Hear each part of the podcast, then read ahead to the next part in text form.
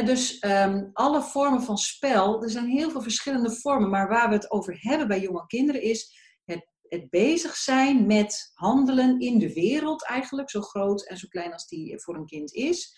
Ehm, en daardoor nieuwe dingen leren. Hey, welkom bij de Opvoedshow, aflevering 047.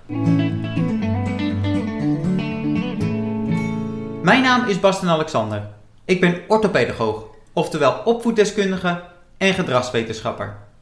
Tijdens de opvoedshow bespreek ik verschillende tools en technieken met betrekking tot de opvoeding. Daarnaast nodig ik ook regelmatig andere experts uit om samen dieper op specifieke onderwerpen in te gaan. Ben je er klaar voor? Laten we beginnen.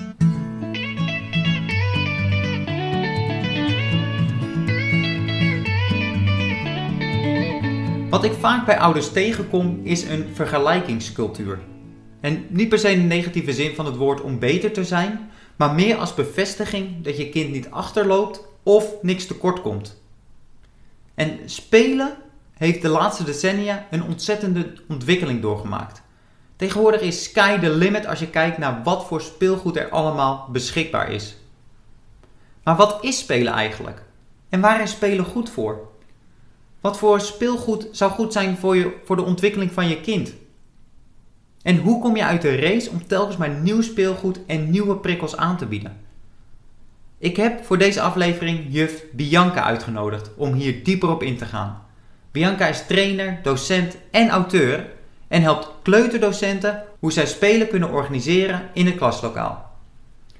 En in deze aflevering zullen we eigenlijk de lessen die Bianca aan haar kleuterdocenten leert vertalen naar de thuissituatie. Hoe kun je je kind nou leren spelen en spelende wijs laten leren? Hoe kun je omgaan met de verveling van je kind? En hoe kun je jouw aandacht verdelen tussen het spelen met je kind en tijd voor jezelf? Ik vond het super interessant om met juf Bianca hierover te praten. En ze kwam met ontzettende mooie inzichten en hele goede tips. Ik hoop dat je net zo geniet van het interview als dat ik deed. Als je nou iemand kent die deze informatie goed kan gebruiken, vergeet dan niet om de aflevering te delen. En laat me ook weer weten wat je van de aflevering vond. Welke tips sprak je het meeste aan?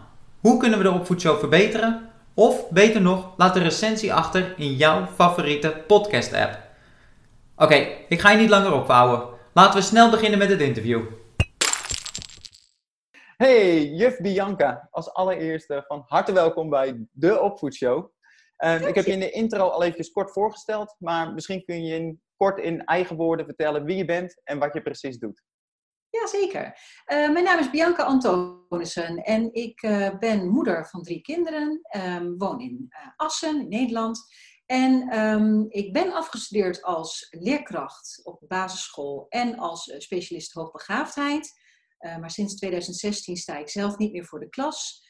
Uh, momenteel werk ik als uh, trainer in het basisonderwijs. Ik geef workshops aan kleuterleerkrachten uh, over het kleuteronderwijs. En ik schrijf boeken over het kleuteronderwijs. En ik heb meerdere prentenboeken geschreven. Ja, nou ja, heel druk met, met van alles. Allerlei verschillende projecten. Dat ik zelf met nou ja, eigenlijk een brainstorm was voor de opvoedshow van nieuwe onderwerpen. Zo kwam ik eigenlijk op je, op je website terecht. En ik vond het heel interessant dat je echt richt op het kleuteronderwijs. En dat je heel specifiek bent eigenlijk met ja, de, de kleuterleeftijd. En nou hebben we natuurlijk al gehad van dat dat natuurlijk ook iets breder te trekken is, zeg maar. Van dat je van peuters naar groep uh, drie of vier, van de, maar dat het meer het, het jongere basisonderwijs is waar jij jezelf in specialiseert. Ja, ja, die specialisatie komt eigenlijk omdat ik voornamelijk kleuterleerkracht geweest ben. En dan werk je dus in groep 1 en 2 met kinderen van nou, 4 tot en met ongeveer 6 jaar. Um, maar inderdaad, het, nou, waar ik het dan nu over ga hebben, over spel en hoe jonge kinderen daarvan leren, dat kun je inderdaad breder trekken. Eigenlijk vanaf nul, maar voor het gemak zeg ik altijd vanaf drie jaar uh, tot nou, zeven jaar. Uh, dus in, ook in groep 3 en in groep 4 kun je daar nog op die manier naar kijken. Ja, nou ja, en, en je bent natuurlijk van dat je voornamelijk richt in je business op uh, docenten, op kleuterdocenten. En dat je daar ook de workshops geeft. Maar tijdens het interview gaan we dus proberen om dat echt naar de, naar de thuissituatie te vertalen. En dat echt voor ouders van hoe die daar eigenlijk gebruik van kunnen maken. Ja, ik moet ook zeggen dat eh, ik mijn werk als kleuterleerkracht ook vond veranderen op het moment dat ik zelf kinderen kreeg en die uh, in de kleuterleeftijd kwamen. Ja, op een of andere manier kun je dan echt van dichtbij zien wat je in de theorie al wel weet en wat je ook als leerkracht al wel gezien hebt, maar dan zie je echt van dichtbij heel goed hoe die ontwikkeling van kinderen tot stand komt. En ik vond dat heel erg mooi uh, en waardevol. Ja, Kun je daar een, een, voorbeeld van geven, van waarin je dat echt heel goed kon zien? Of dat je, wat je verbaasde dat dat anders nou, ik vind was? Het altijd, wat, ik, wat ik nu dus heel erg probeer uh, over te brengen aan kleuterleerkracht... is hoe leren eigenlijk tot stand komt uh, via het spel. Nou, dat is de beste manier om dat te zien... is om gewoon naast je kind te gaan zitten... en te zien hoe het speelt en wat het zegt en hoe het reageert... en hoe het daarvan leert. En als leerkracht nou, merkte ik toch wel dat ik vaak wat meer erboven stond en wat meer bezig was met het organiseren van, nou, soms heb je dan 30 kleuters in de klas. Maar als je echt even door de knieën gaat en bij dat ene kind gaat zitten, dan zie je ineens heel veel meer. Ja, dat je echt eigenlijk meegezogen wordt in die belevingswereld en ja. Ja, hoe die informatie eigenlijk verwerkt wordt. Ja. Ja, dus dat is eigenlijk de eerste tip. Ga eens gewoon meespelen met je kind. Ga er eens naast zitten en kijk en luister en geniet als je kind aan het spelen is. Ja, dus eigenlijk het niet overnemen, maar juist je mee laten slepen in het spel van het kind. Ja, ja, en dat zou voor heel veel leerkrachten ook wel een goede tip zijn trouwens. Om gewoon even los te komen van ook oh, moeten alles regelen. En echt even op je billen in die hoek gaan zitten en kijken wat kinderen aan het doen zijn. Ja, ja goede tip inderdaad. Um, nou ja, en je, en je kijkt dus echt naar het, naar het fysiek spelen en hoe je nou het spelen kunt gebruiken bij het leren. En dan nogmaals, normaal gesproken in de kleuterklas, maar dat, dat is natuurlijk net zo goed thuis. Kun je zeggen wat het, waarom het zo belangrijk is, dat fysieke spelen? Van wat gebeurt er in die ontwikkeling en bij het leren? Waarom is het zo belangrijk?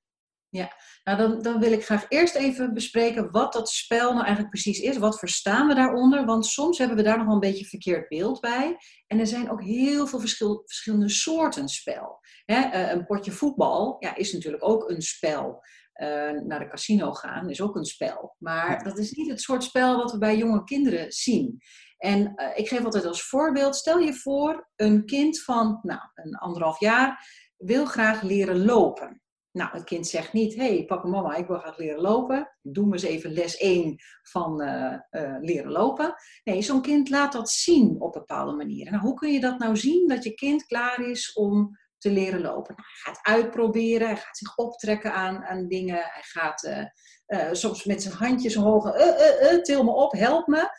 Um, dus je ziet dat het kind daarin geïnteresseerd is. En als ouder, nou, spring je daarop in door je kind dus bij de hand te nemen en te juichen en te klappen als het kind inderdaad gaat staan. Dat, dat is een heel proces van bezig zijn, uitproberen, steeds nieuwe dingen leren.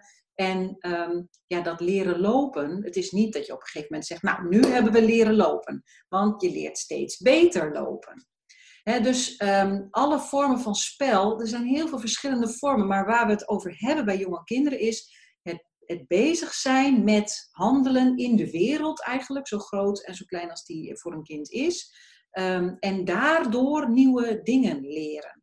En uh, daarom is dat spelen ook zo belangrijk. Want ik denk dat elke ouder dat eigenlijk ook wel weet. Want er is geen enkele ouder die zegt: Oké, kind, jij bent klaar om eh, te leren lopen. Ga maar even zitten. Ik zal je precies vertellen hoe dat moet. Je moet op één been gaan staan, dan til je je andere voet op en dan bewaar je je balans. Nou, er is niemand die dat zo doet. Waar leren kinderen wel van? Door te oefenen, door voor te doen. Geen enkel kind gaat lopen als niemand om hem heen loopt. Um, door, dus door het voor te doen en na te doen. Uh, door te stimuleren in, in woorden of door uh, dingen iets verder op de tafel te zetten, zodat de kind er net niet bij kan. Nou, dat is de stimulans om te zorgen dat je daar wel bij kunt. Dus als ouder ben je daar op allerlei manieren mee bezig om dat te stimuleren. En, en dat spel, dat uitproberen, dat bezig zijn in de wereld, dat kun je ook heel goed gebruiken om ook andere dingen uh, aan te leren. Ja, ja, heel interessant en ook goed dat je het echt als een concreet voorbeeld van het lopen doet. En precies wat je zegt, van het is niet een handboek met hoofdstuk 1, de introductie naar lopen. Ja, en, weten we allemaal. ja, en ik denk van als volwassenen zijnde, van hebben we heel erg de neiging om dingen uit te leggen. Om het verbaal te vertellen van hoe het zou moeten of hoe het zou horen. Of... Ja, en je hebt ook soms als volwassene wel een beeld bij hoe het zou horen, inderdaad. Dus je, nou, stel je kind is uh, een jaar of drie en uh, je hebt een, uh, een theeserviesje. En jij denkt, oh, dan kan het kind lekker mee thee schenken en thee drinken. En, maar het kind heeft daar misschien een heel ander beeld mee. Die denkt, oh, mooi materiaal om mee te gooien. Dan gaan we eens even lekker door de kamer smijten. Um, dus het is ook wel belangrijk om je te realiseren dat jouw beeld van het spel niet altijd overeenkomt met het beeld wat het kind heeft. En dat wil niet altijd zeggen dat het kind het fout heeft. Dus ik hoor soms mensen wel zeggen, ja, mijn kind kan niet spelen. Het kind kan wel spelen, alleen speelt waarschijnlijk niet op de manier die jij bedacht had. En natuurlijk kunnen we wel constateren dat gooien met servies door de kamer nou niet helemaal de bedoeling is. Maar geef dan wat zachte knuffels of speelgoed waarmee het kind wel kan gooien. En dan kan je heel duidelijk tegen het kind zeggen, let op, ik zie dat je graag wil gooien. Dat doen we niet hiermee. Waarom, waarom eigenlijk niet? Ja, nee, dat kan kapot gaan. Maar hiermee kan het wel. En we bakenen ook de ruimte af, want we willen niet dat het in de pan met soep terechtkomt. Dus we kijken even waar het wel kan. Ja. Dat is een andere manier van spel benaderen dan jij doet het niet goed, want je doet het niet op mijn manier. Ja, en ook dan eigenlijk van nu moeten we met het servies spelen. Dus eigenlijk inderdaad wat je zegt van in plaats van het type spelen veranderen, eigenlijk het speelgoed veranderen. Dus dat je wel in de activiteit van het kind blijft zitten, maar dat je daarin dus stuurt door ja, er wel in mee te gaan, maar op een um, toepasselijke manier inderdaad. Ja. Ja, en wat het ook is, je hebt dus zoveel verschillende vormen van spel. Weet je wel, lekker een kopje thee drinken, dat is het rollenspel. Hè, dat is hetzelfde spel als dat je doet alsof je naar de winkel gaat en boodschappen doet. Uh, dan neem je een rol aan van iemand die iets doet. En uh, gooien met materialen, dat is meer handelend spel. Dus dan willen kinderen gewoon lekker bezig zijn. En dan heeft het ook niet te maken met een bepaalde rol.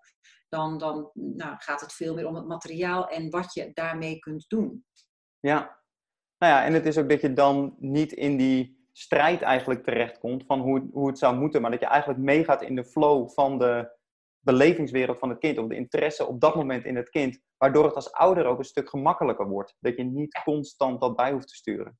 Ja, niet, en niet alleen veel gemakkelijker, maar ook leuker, denk ik. Want die strijd is natuurlijk sowieso niet leuk, maar het is zo leuk om te zien wat je kind allemaal oppikt van, uh, van het spel. En zeker het spel waar het kind op dat moment in geïnteresseerd is. Want je kunt er eigenlijk van uitgaan dat als een kind ergens in geïnteresseerd is, dat dat dan een soort behoefte is om daar ook meer over te leren, om daar beter in te worden.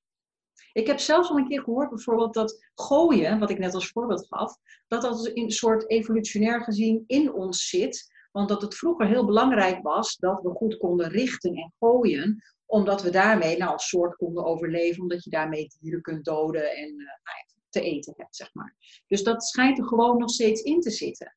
Ja. Dus als je kind constant aan het gooien is, kan je dat proberen te onderdrukken. Dat is heel lastig, levert veel strijd op. Maar je kan ook kijken, oké, wat kan ik nou doen om daar toch aan tegemoet te komen? Ga lekker naar buiten, ga daar gooien. Of uh, inderdaad met dingen die niet kapot kunnen gaan. Of we gaan proberen niet zomaar uh, door de kamer te gooien, maar we gaan proberen ergens in te gooien. Dan maak je een soort, leg een wasmand neer, rol je sokken op en laat de kinderen de sokken in de wasmand gooien van bepaalde afstand. En dan, dan heb je ook nog weer een situatie waar kinderen ook nog echt iets van leren. Dan is het niet alleen maar gooien, maar dan is het ook nog oog-handcoördinatie en richten van afstanden en raak gooien. Dus daar kan je heel veel verschillende kanten mee op. Ja, ja super interessant. En ook grappig inderdaad om daar die hele andere denkwijze eigenlijk naartoe te, te hebben. En als je dan kijkt van nou ja, we weten natuurlijk allemaal in deze tijd en de technologie en de, en de schermtijd en dat kinderen daar heel erg naar um, getrokken worden eigenlijk, van om daar dat te gaan doen. Hoe kijk je daarnaar? Van hoe kan je nou zoiets initiëren? Of hoe kun je nou een kind eigenlijk van, van weg, nou ja, tussen aanhalingstekens weglokken, zonder dat je het verbiedt om op het scherm te gaan zitten? Ja. ja, dat is inderdaad een lastige. En onze hersenen helpen daar ook niet heel erg bij. Want uh, we vinden zo'n scherm fantastisch. Want dat geeft ons direct iets uh, om te ervaren. We hoeven er zelf eigenlijk vrij weinig voor te doen. En je krijgt ook constant feedback van zo'n scherm. Zeker als je bijvoorbeeld die kleuter-apps geïnstalleerd hebt, die zeggen steeds goed zo, goed zo. Nou, dus je krijgt constant feedback als je iets goed doet. En nou, dat, dat geeft je gewoon een shotje dopamine. je wordt er gelukkig van. Dus ehm, ik moet eerlijk zeggen, dat geldt niet alleen voor kleuters. Dat geldt voor ons allemaal. Ehm, als jij vindt dat je kind te veel aan het scherm zit, kijk dan eerst eens even ook naar je eigen schermtijd. Ehm, het is natuurlijk niet eerlijk om te zeggen, nou, kinderen moeten spelen, maar papa's en mama's mogen de hele tijd, nou, de hele tijd is overdreven, maar die mogen wel uh, op de bank naar de tv kijken of naar hun telefoon staren. Um, dus je merkt, nou ja, de manier om kinderen van hun scherm weg te lokken, is in ieder geval zelf ook niet naar het scherm staren. Ja. En kinderen, kinderen vinden het eigenlijk heel leuk om met jou mee te doen. Dus even een simpel voorbeeld. Als jij in plaats van naar je scherm te kijken de badkamer aan het schoonmaken bent, geef ze een spuitflesje en een doekje en met gewoon water erin en laat ze lekker uh, schoonmaken de badkamer is dan handig dat het niet een waterbelet wordt. Maar ehm, de kinderen zien wel wat jij doet. Je spuit ergens op en je wrijft daarover. En ik als leerkracht denk dan meteen weer, oh ja, dat is goed voor de uh, handmotoriek. Want ergens in knijpen om te spuiten, dat is, zorgt voor stevige handspieren. En met twee handen tegelijk, want je moet met de ene hand spuiten en de andere hand wrijven. Dus het zijn allemaal leuke eh, activiteiten waar kinderen heel veel van kunnen leren. Maar tegelijkertijd leren ze ook jou na te doen. Hè? We zijn immers allemaal net aapjes. Uh, we leren allemaal door ook na te doen.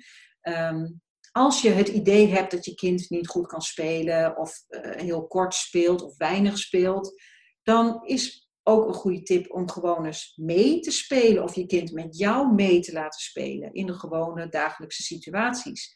Want ook um, het schoonmaken van de badkamer is voor een kind gewoon spel dus het hoeft niet altijd met die blokken of met die poppen te spelen. Uh, dat is ook gewoon spel. Ja, ja ik vind, eerst vind ik, het, vind ik het interessant dat je inderdaad wat je zegt van dat kinderen die leren eigenlijk door te zien. Dus dat schermtijd van eigenlijk hetzelfde als lopen. Van ze hebben de neiging om te gaan lopen omdat ze iedereen zien lopen.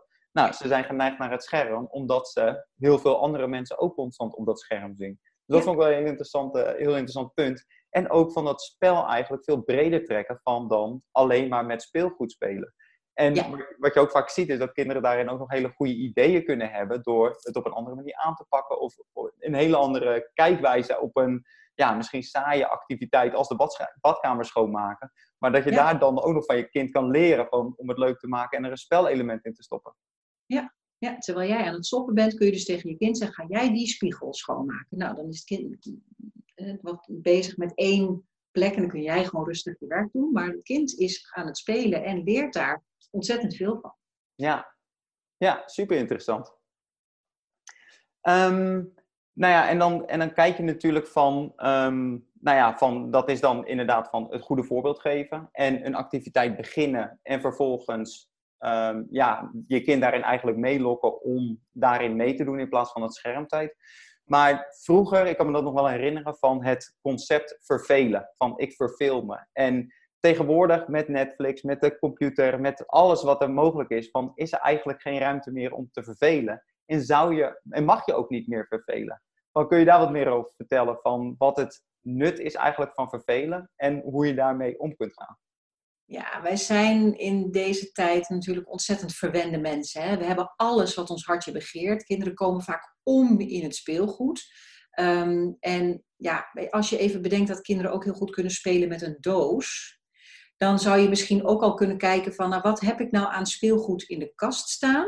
En uh, wat ik daarbij als tip wil geven is, in hoeverre moet het kind iets doen met het speelgoed?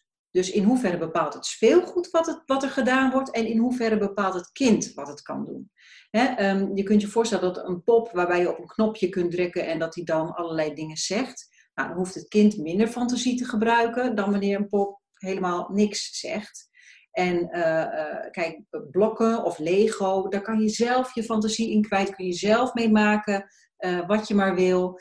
En uh, als materialen heel erg gestructureerd zijn, dat je er eigenlijk maar één ding mee kunt doen, ja, dan zie je dat kinderen daar ook wel sneller op uitgekeken raken. Dus als kinderen, zich, nou, als kinderen zich moeilijk kunnen vermaken met het speelgoed wat je in huis hebt, is de allereerste tip: haal eens bijna al het speelgoed weg en zet bijvoorbeeld maar drie verschillende dingen neer. Eh, je merkt namelijk dat kinderen van nieuw speelgoed, wat dan gewoon van de zolder komt, maar wat zij als nieuw speelgoed ervaren, uh, dat ze daardoor ineens weer geïnteresseerd zijn en wel iets willen spelen. Want geen enkel kind gaat beter spelen met meer speelgoed. Dus het is een valkuil om dan te denken, oh, ik moet nog maar wat anders kopen, want mijn kind speelt niet. Um, dus speelgoed weghalen en maar weinig keuze aanbieden is uh, in ieder geval een goede tip. Um, maar als kinderen bij je komen en zeggen: Ik verveel me, laat het soms ook maar gewoon een keer gebeuren. Want juist de momenten dat kinderen zich vervelen, moeten hun hersenen zelf aan de slag om iets te bedenken. Moeten ze zelf creatief worden om uh, uh, iets te spelen te bedenken. En um, ja, het is natuurlijk lastig als kinderen ook dan vervelend worden als ze zich vervelen. Hè? Dus dat ze de boel kort en klein slaan omdat ze denken dat ze daardoor uh, iets te spelen krijgen of hun apparatuur weer terugkrijgen. Um, maar uh, het is heel goed om tegen kinderen te zeggen: je verveelt je, gefeliciteerd, hartstikke leuk. Want dan bedenk je de leukste dingen. Nou, we gaan eens even nadenken. We gaan tien ideeën bedenken die jij op je eigen kamer kunt spelen. Maak maar eens een lijstje en dan kiezen we daar de beste uit. Of um, uh, wat ook wel een hele goede tip is, ik zei net al dat als kinderen nieuw speelgoed krijgen, dat ze dan soms ineens weer geïnteresseerd zijn.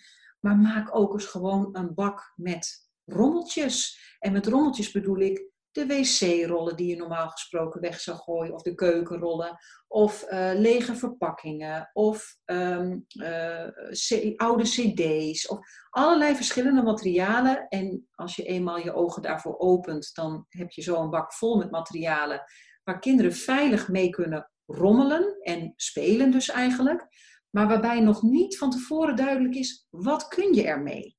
En als je kinderen zo'n bak geeft en je zegt, goh, dit zijn materialen ik weet niet zo goed, wat, wat zouden we hier nou mee kunnen doen? Kun jij iets bedenken wat je met dit materiaal kan doen?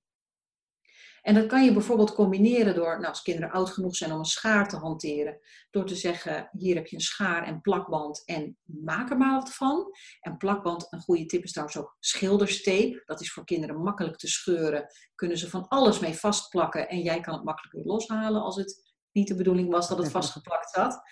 Uh, dus dat is sowieso een goede knutseltip. Maar de kinderen kunnen dan van alles aan elkaar plakken en constructies maken. Um, uh, de truc is inderdaad dat kinderen dan zelf mogen bedenken: wat kunnen we nou met dit soort materialen doen? En je zult merken dat kinderen soms dat speelgoed eigenlijk nog leuker vinden dan het speelgoed wat je voor vele euro's uh, uit de speelgoedwinkel gehaald hebt. Ja, ja, en daar heb ik ook nog wel een vraag over. Want, want we hebben natuurlijk al eventjes over die dopamine gehad. Van, uh, ja. nou ja, constant natuurlijk die shot, die beloning en, en dat soort dingen. En speelgoedmakers, om het zo maar te zeggen, die, hebben, die spelen daar natuurlijk ook handig op in. Door inderdaad een pop met een knopje te, erop te zetten. En eigenlijk heel erg te bepalen wat er met een speelgoed gedaan moet worden. Dus ik ja. denk dat, dat kinderen die in deze tijd opgroeien, daar heel erg mee gewend zijn. Van als op de computer natuurlijk van, nou, het computerspel zegt precies wanneer je op welke manier beloond wordt. Dus die bepaalt eigenlijk precies wat je zou moeten doen. Dan is er nog iets dat het eigenlijk de, de, de oerfunctionaliteit in het brein, van dat je dat op een bepaalde manier nog wakker moet schudden. Ik kan me zo voorstellen dat een kind die ja, eigenlijk daar altijd mee gewend is om met dat computerspel of dat pop of die, die Legootje, want dat is natuurlijk nu ook allemaal met tien stappen en dat je er een Avenger of een Power Ranger of zo van moet maken. Maar niet van, nou, hier zijn tien blokken, maak er maar wat van. Ja, ja. Is dat nog iets wat, ja, een, een, een transitie, dat je zegt van, ja, dat moet eventjes geactiveerd worden en gestimuleerd worden voor het kind? Ja, ja, want als ik van mensen hoor die zeggen, nou, kinderen kunnen niet meer spelen tegenwoordig, dan komt dat eigenlijk daardoor. En dat komt ook doordat wij als volwassenen eigenlijk te snel in willen grijpen. Dus uh, als je even denkt aan vroeger, en echt vroeger, dus voor onze tijd ook, dan gingen kinderen gewoon naar buiten. En die gingen buiten spelen met wat ze daar vonden in de natuur. En uh, die vermaakten zich daar prima mee. En aan, als ze klaar waren, kwamen ze weer thuis en konden ze eten en uh, klaar.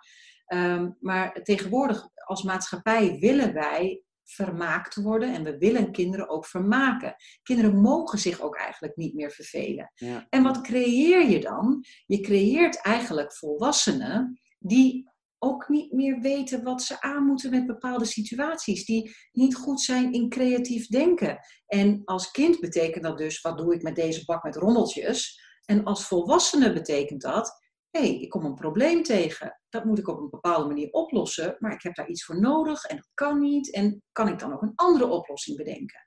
Dus dat creatief denken, bij creatief denken we meestal wel aan eh, knutselen, hè, knippen, plakken, vouwen. Maar creatief is ook uh, verschillende mogelijkheden zien, verschillende oplossingen kunnen bedenken. En out of the box denken. Ja. Nou, dat leren kinderen juist heel erg door te spelen en soms moet je ze een beetje met zachte dwang dwingen om uh, tot dat spelen te komen. Dus over dat punt heen te stappen van ik verveel me, vermaak mij. En naar dat punt van oké, ik ga nu, ik verveel me, dat is een probleem. Ik ga dat oplossen door zelf iets te bedenken.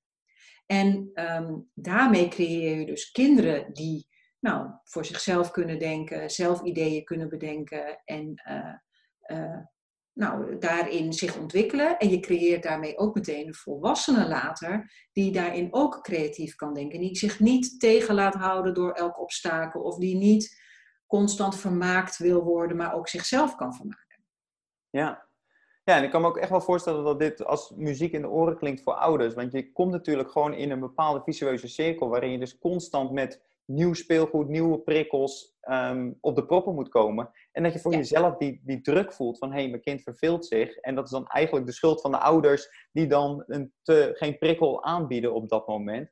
En dat er dus eigenlijk dat helemaal uit die ja, red race of uit die visueuze cirkels stappen. En eigenlijk gewoon weer eens bij het begin beginnen. En je kinderen aan, aan de hand nemen van ja, hier zijn tien wc-rollen, wat gaan we ermee doen? Ja, nou en dat is inderdaad, want als ouder ben je denk ik geneigd, en ik herken dat ook wel van mezelf hoor, om te zeggen, je verveelt je, nou je hebt zoveel bergen speelgoed, uh, zoek maar wat uit en uh, ga lekker spelen. Maar als het kind zich verveelt, ja, dan heeft het natuurlijk wel, en dan gaat er dat altijd speelgoed er is, maar ja, heeft het dan net geen zin in. Er moet iets anders gebeuren. En ik denk dat het wel een valkuil is om te denken dat als je tegen een kind zegt, ga lekker spelen, dat dat dan een duidelijke boodschap is en dat het kind denkt, oh ja, oké, ik kan nog lekker gaan spelen. En zo werkt het niet. Dus het is ook wel de truc om het kind te verleiden tot spelen. Nou, dat kun je dus doen door te kijken naar welk speelgoed je eigenlijk hebt. Door bijvoorbeeld materialen aan te bieden die het kind nog niet goed kent. En nou, een soort verveeldoos te maken met allerlei rommeltjes waar het kind op dat moment mee kan spelen. Maar vergeet vooral niet dat het kind ook moet weten hoe het ergens mee kan spelen. Het is niet altijd duidelijk wat je met bepaalde materialen kunt. En um, dan kun je natuurlijk bij een kind gaan zeggen: kijk, zo moet je met dit materiaal spelen. Je doet dit en je doet dit en dan wordt het wat. Maar je kan ook samen met je kind kijken: Goh, wat zijn dit nou? Ik zie hier blokjes en er zitten van die hobbeltjes op. En oh, kan het ook op elkaar stapelen? Hé, hey, wat handig. Zou ik er een toren van kunnen bouwen? Nou, ga een toren bouwen. Je merkt dat je kind ook die toren gaat bouwen. Nou, nou hebben we twee torens naast elkaar. Dat is leuk. Kunnen we daar ook nog iets anders van bouwen? Hey, we zouden ook een muur kunnen bouwen. Nou, en aldoende uh, leert het kind eigenlijk wat het met die Lego-blokjes kan doen. Um, dus in plaats van zeggen, nou hier heb je een doos met Lego, vermaak je er maar mee. Uh, kun je zeggen, ik ga het als ouder voordoen en mijn kind doet met me mee. He, dat is bijvoorbeeld bij het badkamer schoonmaken natuurlijk heel goed. Dat je zegt, nou we gaan eens eerst even kijken hoe dat gaat. Maar je kan ook zeggen, we gaan het eens even samen doen. Eigenlijk spelen we naast elkaar. En af en toe zeg je eens iets over wat jij aan het spelen bent. En je kind reageert daarop. Misschien zegt je kind iets en dan reageer jij daarop. En um, je kunt met je kind afspreken, dat hangt wel even van de leeftijd van je kind af, maar je kunt met je kind afspreken. Nou, we gaan nu bijvoorbeeld eerst even vijf minuten samen spelen. Daarna moet ik even, nou, noem het eten koken, wat dan ook. Uh, en dan kom ik straks nog even bij je kijken wat je dan gemaakt hebt. Want we moeten vooral als ouder ook niet verwachten dat onze drie, vierjarigen al een uur zelf kunnen spelen. Er zijn kinderen die vermaken zich uren met Playmobil en die zie je die weer terug. Maar ik vermoed dat die ouders uh, niet luisteren naar deze aflevering omdat ze denken, nou, ik moet nog meer leren over spel. Um, maar als je merkt dat je kind maar weinig kunt kan spelen, dan kan je denken, nou, uh, mijn kind kan het niet. Als jouw kind vijf minuten leuk speelt met materiaal, top. Vijf minuten, mooi. Dan gaan we volgende keer kijken of het ook tien minuten kan. En als dat 10 minuten goed lukt, nou fijn. Dan kunnen we misschien volgende maand kijken of het ook 15 minuten kan. Dus zo bouw je dat steeds uit. Ja. Ja, en ik geef er ook altijd zelf wel, bij aan van wat je dan vaak ziet, is dat ouders zoiets hebben van ja, ik heb even geen tijd, eventjes nu zelf vermaken. En dat je dat eigenlijk, als je dan kijkt naar het brein en die ontwikkeling, van als je een schaarste eigenlijk daarmee creëert qua aandacht en liefde, dan is het juist dat die kind die bevestiging nodig heeft van ja, maar je ziet me toch nog wel en je hoort me toch nog wel.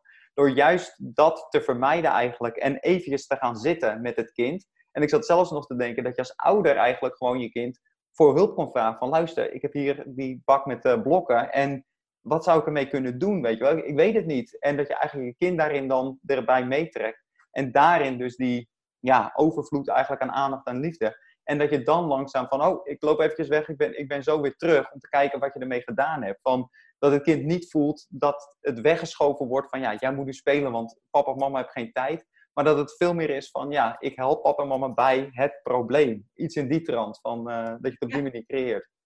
Ja, en het is ook altijd grappig inderdaad. Als je zegt, uh, nou, ik heb hier een bak uh, met blokken, wat zouden we mee kunnen doen? En jij hebt in je achterhoofd, nou, we kunnen een toren bouwen. Maar het kind zegt, hé, hey, die blokken, dat zijn net auto's. We zetten de poppetjes op en we gaan ermee door de kamer rijden. Ja, dat had jij niet bedacht. Ja. Maar het is wel spel. En het is ook leuk dat het uit het kind zelf komt. Het kind kan er ook weer even mee bezig zijn. En je zou dan bijvoorbeeld kunnen zeggen: Oh ja, maar ze moeten natuurlijk niet over mijn net geboende parket uh, rijden. Weet je wat? We rollen even een stukje behang uit. En dan moeten we even wegen optekenen. Want anders weten de auto's niet waar ze moeten rijden.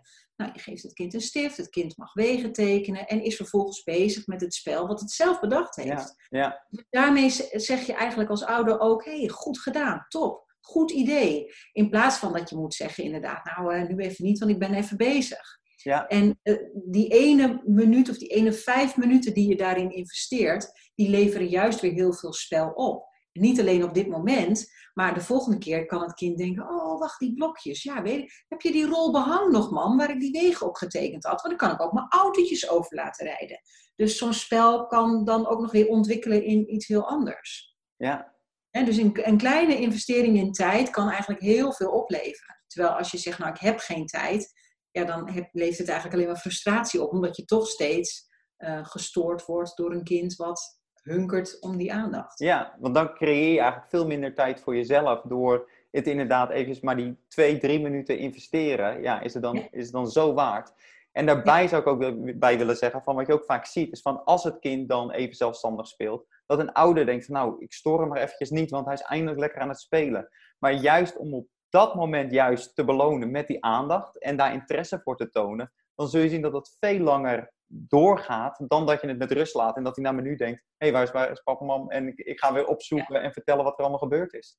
Ja, ja, want ik denk dat uh, hè, het is voor vaders en moeders natuurlijk altijd heel fijn als hun kinderen gewoon lekker stil aan het spelen zijn op hun kamer en ze, ze hebben je niet nodig en uh, ze storen je niet. Dat is handig als je zelf aan het werk bent, dan kun je lekker even doorwerken.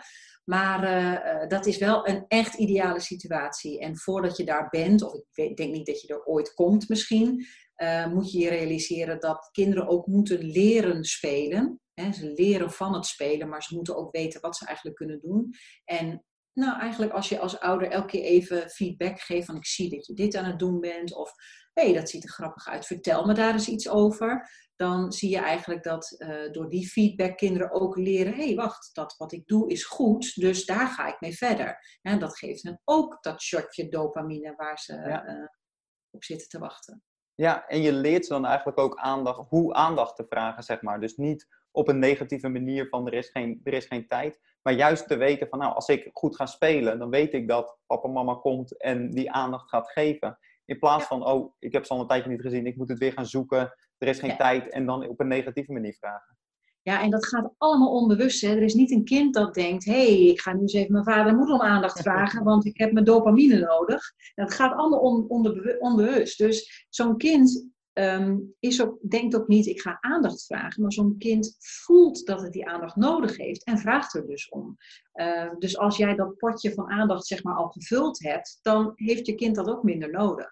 Ja, ja inderdaad. Dat, dat is inderdaad uh, het, het onderbewuste gevoel van ik mis iets of ik moet eventjes die bevestiging uh, hebben. Ja. ja. Nee, super interessant. En om het eventjes weer, uh, nou ja, als een soort van, van samen te vatten van, van wat, we, wat we hebben besproken. Want ja, het gaat, het gaat ook vrij snel, uh, heb ik het gevoel. Maar van dat je inderdaad, waar we het over hebben gehad, van dat speelgoed. Van dat je kijkt naar niet alleen maar het speelgoed waarin heel erg uitgebreid wordt verteld wat het kind moet doen. Maar dat je ook heel erg eigenlijk je speelgoed gaat evalueren wat is er iets wat, wat niet duidelijk is wat je ermee doet? Dus inderdaad, in plaats van een pop die praat en die die dopamine geeft, kijk eens of er een pop of iets is wat, ja, wat niks doet en waar het kind eigenlijk de fantasie erbij moet halen. En daarin ook, dat kan net zo goed breder getrokken worden met rommeltjes, zoals je dat zei, uh, uh, uh, wc-rollen en, en andere dingen. Om daar een bak eigenlijk van te creëren. Waarin het dus is van ja, wat, wat kunnen we hiermee doen? En daarin ook het probleem zelf presenteren van ja, ik heb hier deze bak en ik heb het gevoel dat we er nog wel wat mee kunnen doen, maar ik heb geen idee. Wat zou jij ermee uh, kunnen doen?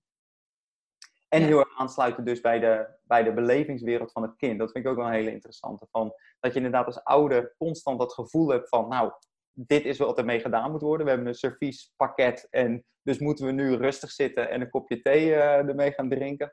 Maar dat je dat inderdaad van wat ziet het kind erin en, wat denkt het kind ermee te kunnen spelen. En dat je dat echt als ouder, en dat lijkt me super moeilijk, maar loslaat van dat je dat plaatje wat je voor je ziet, wat ermee zou moeten, dat loslaat en dat echt het initiatief bij het kind laten. Ja, en dat is ook moeilijk. En dat is juist dus het makkelijke van zo'n doos met rommeltjes. En ik heb daar trouwens een hele lijst van allerlei materialen die je daarvoor kunt gebruiken. Die staan op mijn website. Daar zal ik je zo uh, de link van geven. Ja. Uh, maar dat, dat geeft je even een idee van waar kun je het nou in zoeken. Want als je die lijst eenmaal in je hoofd hebt, dan ga je bij alles wat je weggooit denken: uh, of kan dit misschien ook nog in de bak met rommeltjes? Kan mijn kind hier nog iets mee? Um, maar als je zo'n bak hebt, dan is ook echt niet duidelijk wat je ermee kunt. Dus dan moeten, moeten jullie, jij en je kind, ook echt na gaan denken van, wat zouden we hier nou mee kunnen doen? En soms ga je dan ook gewoon maar wat uitproberen. Je zet een pc-rol neer en je legt er een, een, bierveeltje of een cd op en hé, hey, nou ontstaat er weer iets nieuws. Wat kunnen we daarmee? Dus dat, dat, je gaat het gewoon proberen. Of je legt er schildersteep bij en je laat kinderen alles aan elkaar maken tot ze ineens zeggen: Kijk, het is een giraf geworden. Nou, fantastisch. Maar dan is je kind wel bezig met zijn eigen creativiteit en eigen fantasie. Uh, en dan bepaalt niet het materiaal wat er moet gebeuren. Ja, ja super interessant. Uh, en wat me ineens ook nog te binnen schiet, um, uh, tijdens de lockdown uh, van maart werd mijn recept voor zelfgemaakte speeldeeg, zelfgemaakte klei, heel veel gedeeld door leerkrachten met ouders. het is namelijk iets wat ouders heel makkelijk zelf kunnen maken. Je maakt eigenlijk een soort klei in plaats van die potjes met die chemische gifgroene klei die enorm ja. stinkt. Kun je zelf een speeldeeg maken, gewoon met bloem en zout en nog meer spulletjes die je gewoon al in je keukenkastje hebt staan. Uh, je kunt er een lekker geurtje aan toevoegen. En dan krijg je dus een bal klei. Uh, en daar kan je kind urenlang mee spelen. Want um, nou, zo'n kind kan in die klei trekken. Het is heel zacht, het is lekker om te kneden. Ik had het net al even over die handspieren. Die handspieren zijn natuurlijk heel goed om te ontwikkelen, omdat je kind daar later mee gaat leren schrijven en tekenen. En uh, dan heb je goede, sterke handen nodig. Dat is trouwens ook nog iets wat het nadeel is van schermtijd, want daar ontwikkel je verder je lijf niet heel veel mee, alleen je hersenen. Um, en met die klei, nou, daar kunnen kinderen in kneden. Ze kunnen er uh, nou, figuurtjes van maken, maar ze kunnen ook grote bollen maken met grote handen en kleine bolletjes maken met hun duim en wijsvinger. Uh, dat zijn allerlei uh, nou, fijnmotorische activiteiten die ze daarmee kunnen doen. En je ziet eigenlijk dat kinderen zichzelf daar wel mee kunnen vermaken. Ook daarbij zijn uh, vooral uh, fabrikanten geneigd om allerlei dingen toe te voegen. Je kan haar maken en je kan vormpjes maken. En dat hebben kinderen eigenlijk helemaal niet nodig. Geef ze een bal klei en laat ze daar zelf mee bedenken wat ze ermee kunnen doen. En ze komen appeltaarten bij je brengen en ijsjes. En ze maken de kat na en zo. Dus daar kunnen ze heel veel kanten mee op. Maar dat recept heb ik ook op mijn website staan. Dus ik weet niet of jij straks de link ook met je luisteraars kunt delen daarvan. Ja, en ik zal ze ook sowieso uh, in, de, in de show notes zal ik uh, de link naar je website en inderdaad dan naar dat uh, recept toe, erin zetten. Ja, ja, want ik denk dat dat wel heel erg interessant is voor ouders, omdat nou, het voor kinderen wel heel fijn is om met hun handen ergens mee bezig te zijn. En die klei voelt gewoon heerlijk zacht. Eigenlijk zou je hem ook zelf even moeten maken. Ja, ja. en het is ook weer dat creatieve denken van, ja, het is, het is niks anders dan klei en, en maak er maar wat van. Wat, wat, wat is er allemaal mogelijk ermee? Ja, en het gaat daarbij zelfs niet eens om het maken, maar om het bezig zijn. Dus het hoeft niet altijd iets te worden, mhm. maar gewoon het bezig zijn, uh, balletjes rollen, uh, slangen rollen. Nou, dan gaat het niet om dat het een slang wordt, maar dan gaat het om dat het kind bezig is met rollen en dat het dan toevallig een slang wordt. Ja, ja die motorische vaardigheden eigenlijk. Ja, en dat is hoe jonger het kind is, hoe meer ze ook bezig zijn met alleen het proces en niet zozeer met het eindproduct. dat is ook van als je dus een uh, kopje thee wil drinken met je servies, ja, dan moet het kind dus al bezig zijn met, oh ja, dat kan ik ermee doen. Er moet al een plan zijn. Terwijl alleen het roeren in het kopje een handeling is die kinderen ook gewoon urenlang vol kunnen houden, omdat ze dan nou, met hun lijf ergens mee bezig zijn. Dan is dus niet het resultaat een kopje thee drinken, maar dan gaat het echt om het proces van het bezig zijn. Ja, ja interessant. En je vertelde ook in het begin van dat je een aantal prentenboeken hebt geschreven. Kun je daar wat meer over vertellen van wat, wat dat precies inhoudt? Ja, nou ja, eh, als je aan de kleuterleeftijd denkt, dan uh, denk je ook vaak aan prentenboeken. Want uh, ja, als je dan een verhaal voorleest, vinden kinderen het wel leuk om op je schoot te zitten en mee te kijken naar de plaatjes. Um, dus het was altijd wel een wens van mij om ook een prentenboek te schrijven. Nou lijkt dat heel makkelijk, want er staan niet zoveel woorden in een prentenboek. Dus je denkt, schud ik zo uit mijn mouw. Dat bleek helaas iets ingewikkelder, maar ik heb het voor elkaar gekregen. Ik heb drie, bijna vier, mijn vierde prentenboek komt bijna uit in februari. Um, ja, en die prentenboeken gaan. nou, ik vind het als juf dan toch ook wel weer belangrijk om er iets van een boodschap in te stoppen. Maar dan niet met het opgeheven vingertje van dit is de les die je eruit moet leren. Die kunnen kinderen echt zelf uit het verhaal halen. Ik heb bijvoorbeeld een prentenboek geschreven over Superfin en zijn cape. Die heeft een, een supercape om en dan voelt hij zich geweldig en dan kan hij alles. Maar ja, er zit op een dag die supercape in de was. Dat is natuurlijk een probleem als je met je vriendinnetje buiten wil gaan spelen, maar je hebt je supercape niet om. Dus Finn gaat eerst druk proberen die um, uh, supercape uit de wasmachine te halen, uh, te drogen en dan kan die weer gaan spelen. Maar wat de kinderen wel zien, maar wat Superfin nog niet weet, is dat die supercape aan het uitrafelen is en die wordt steeds korter. De kat speelt er ook mee, dus die trekt ook nog wat aan het draadje en uiteindelijk is die hele cape weg. Maar Finn, die zit net op zijn fiets. En die denkt, nou, ik kan wel fietsen. Een nieuwe fiets. Papa heeft een iets grotere fiets gekocht. Dat gaat me lukken, want ik heb mijn cape nog om. Maar dan heeft hij ineens in de gaten dat die cape er niet meer is. En dan denkt de Superfin natuurlijk, oh help, ik kan het niet meer. Nou, gelukkig komt hij er natuurlijk achter dat hij dat ook zonder zijn cape kan. Uh, en ja, dat, dat stukje mindset, hè, dus dat een kind weet van, nou, ik, ik kan het wel, ik durf dit wel. Um, dat heb ik dan toch een beetje verstopt in dat prentenboek. Ja. Het zit eigenlijk ook in het, uh, uh, het verhaal van Tin doet zijn zin. Dat gaat over een, een klein vogeltje die uit het ei kruipt. En hij weet niet waar zijn vader en zijn moeder zijn. hij weet trouwens ook niet wat een moeder is, dat is een bijzaak. Um, maar hij weet wel dat hij Tin heet. En de andere vogels weten, nou, dat is een vogel, want er komt uit een ei, snavel, vleugels. Dus die moet leren vliegen. Nou, het kleine arme vogeltje krijgt op allerlei manieren vliegles van de andere vogels. Maar helaas, het slaat niet aan. De kleine vogel uh, vliegt niet. En uiteindelijk komt hij erachter dat hij een pingwing is. En pingwings kunnen natuurlijk helemaal niet vliegen, maar die kunnen wel heel goed duiken. En nou, dan leert uh, Tin dus eigenlijk ook van, nou ja, ik hoef niet uh, te doen wat anderen vinden dat, dat belangrijk is, maar ik mag ook gewoon naar mijn eigen gevoel luisteren en uh, daar uh, op ingaan. Ja, nou, en heel powerful natuurlijk van dat je kijkt naar waar ligt jouw kracht? Van, ja. Einstein die, die zei geloof ik van als je een vis beoordeelt op het klimmen van een boom, zal hij de rest van zijn leven denken dat hij, dat hij gek nou, is. Precies. Ja, en er zullen ongetwijfeld kinderen zijn die inderdaad de hele tijd merken, ik doe dit niet goed. als er op school bijvoorbeeld heel veel aandacht is voor uh, rekenen en het kind vindt dat gewoon heel lastig, dan denkt hij dus steeds, ik kan het niet, ik kan het niet, ik kan het niet. Terwijl dat kind juist heel veel dingen wel heel goed kan. want we zien in het boek van Tin ook, ja, hij kan dan misschien niet vliegen, maar hij is wel heel lief voor de anderen. Hij kan mooie dingen maken. Dat doet hij ondertussen, terwijl die vogels proberen hem te leren vliegen. Uh, is hij heel erg met zijn andere talenten bezig. Dus, nou, welk talent heb jij en hoe kun jij dat laten zien? En iedereen wordt blij van het laten zien van je talent. En niemand wordt blij van de hele dag horen dat je ergens niet goed in bent. Nee, precies. En dat is ook van waarbij of dat de verwachtingen niet uh, samen zijn met de, met de realiteit inderdaad. En dat je daarin ook echt goed moet kijken van ja, waar liggen wel de krachten en dat je die juist gebruikt. In plaats van ja, daar de hele tijd maar tegenaan te hikken. Ja, ik zeg, niemand vindt het fijn om te horen waar je niet goed in bent. Dan geldt dat niet alleen voor de kinderen, maar ook voor ons als volwassenen. Hè? Wij vinden dat ook niet leuk. Nee. En wij zijn ook niet de hele dag bezig met dingen die wij moeilijk vinden om daar beter in te worden. Dus dat mogen we ons ook realiseren als het om onze kinderen gaat. Ja, nou, nog een hele goede laatste tip uh, zo op de valreep. Zou je de, um, de website kunnen geven waar, waarin uh, luisteraars de, het klei-recept en de boeken kunnen vinden?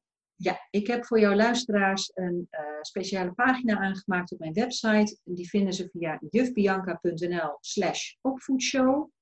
En daar heb ik nou, wat artikelen verzameld waarvan ik denk dat ze ook interessant zijn voor ouders om te lezen. Want mijn website gaat voornamelijk over kleuteronderwijs.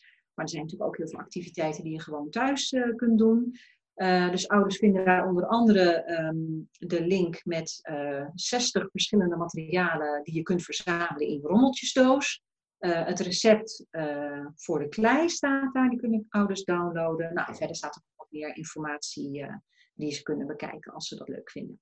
En ja. via de website kunnen ze dan ook contact met mij opnemen mochten ze nog vragen hebben.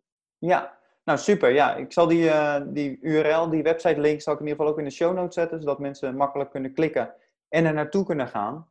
Ja.